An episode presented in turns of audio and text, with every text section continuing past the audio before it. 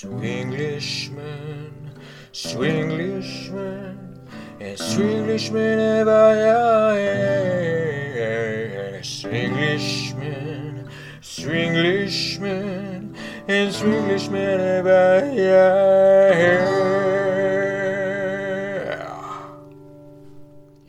Hej hej ho. Jag heter James och uh, välkommen till Swinglishman och uh, jag är en engelsman och uh, den här podden handlar om kulturkrock och kulturella reflektioner. Och uh, först ska vi prata om mitt favoritmisstag från det senaste avsnittet. Misstag.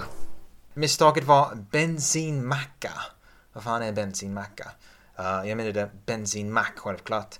Um, och jag tänkte bensinmacka kanske skulle vara någonting att uh, monstret från Fern Gully, uh, den sista regnskogen, den animerade filmen. Att, uh, ja, den monstret från Fern Gully, han skulle äta en bensinmacka för att han åt bensin från något slags fordon eller någonting. Men att, mm, det där monstret skulle tycka om en, en, en uh, bensinmacka, moms moms. Um, men det finns ingen bensinmacka. Det finns bara bensinmack. Tyvärr. Um, Idagens ämnen, vad är en stad eller town på engelska? Och eh, vad är viktigt liksom, gällande definitionen? Och för mig är det uh, centrum.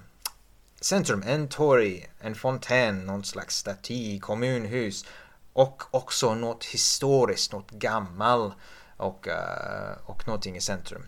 Och uh, vi besökte Kungälv och ja, det finns ingen centrum i Kungälv som jag kunde hitta i alla fall. Det finns bara vägg och shoppingcenter och lite hus. Och eh, uh, jag, jag gick runt och runt och runt och jag var liksom, vad fan är centrum? Jag blev, jag blev lite galen. Det var väldigt konstigt att jag kände mig lite vilse och lite obekväm. Jag var, vad är centrum? Uh, det saknas. Och uh, också det saknas lite, det är inte så många liksom gamla saker eller historiska byggnader. Och ehm, det, här i Sverige har jag märkt att det finns ganska mycket liksom, nya saker, allt är nytt. Det kan vara lite IKEA-världen. Uh, eh, och jag vill se något gammalt. Jag, det gör mig bekväm. Uh, det känns som hemma.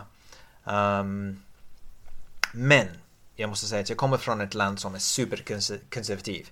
Och uh, tradition bevaras alltid och jag måste säga det är inte alltid bra. Till exempel um, parlamentet, i parlamentet. Clear the lobby, clear the lobby, clear.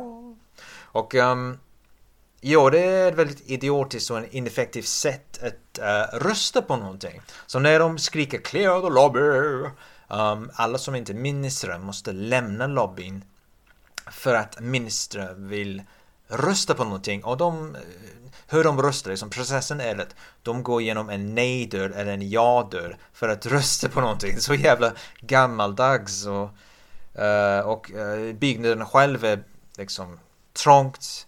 Ah, liksom bara river ner skiten, skiten. För mig är det, det symboliskt av något slags liksom, rika människor som styr. Så, nah. Om man tänker liksom Stefan Löfven. Han var svetsare liksom. Det är awesome. Och eh, då tänkte jag att um, ja, att bevara tradition bara för att det är tradition uh, kan leda till någon slags konservatism och uh, ojämlikheter. Men uh, här i Sverige är liksom allt är modernt och nytt. Uh, liksom byggnader och uh, kanske det visar att man kan tänka på ett modernt sätt. Och uh, jag tycker om det svenska sättet att försöka inkludera människor. Uh, I Sverige jag känner mig mer med, värdefull som, som en människa. Uh, som en medborgare. Man får saker i England. Man, man, jag fick ingenting av staten eller jobbet i England. Uh, inte ens gratis kaffe. Um, jag tycker det känns som om du inte har pengar, då har du mindre värde. Det är hur det känns i England, tyvärr. Uh, men här i Sverige, du, ja, du är värt, man är värt någonting. Så det är bra. Det blir väldigt filosofiskt till slut. Men eh, tic-tac, tickety-tac-toe eh, och eh, hej då. Hej, hej, hej.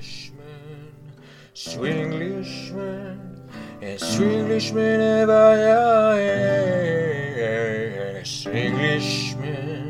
swinglishman. En swinglishman är vad jag är.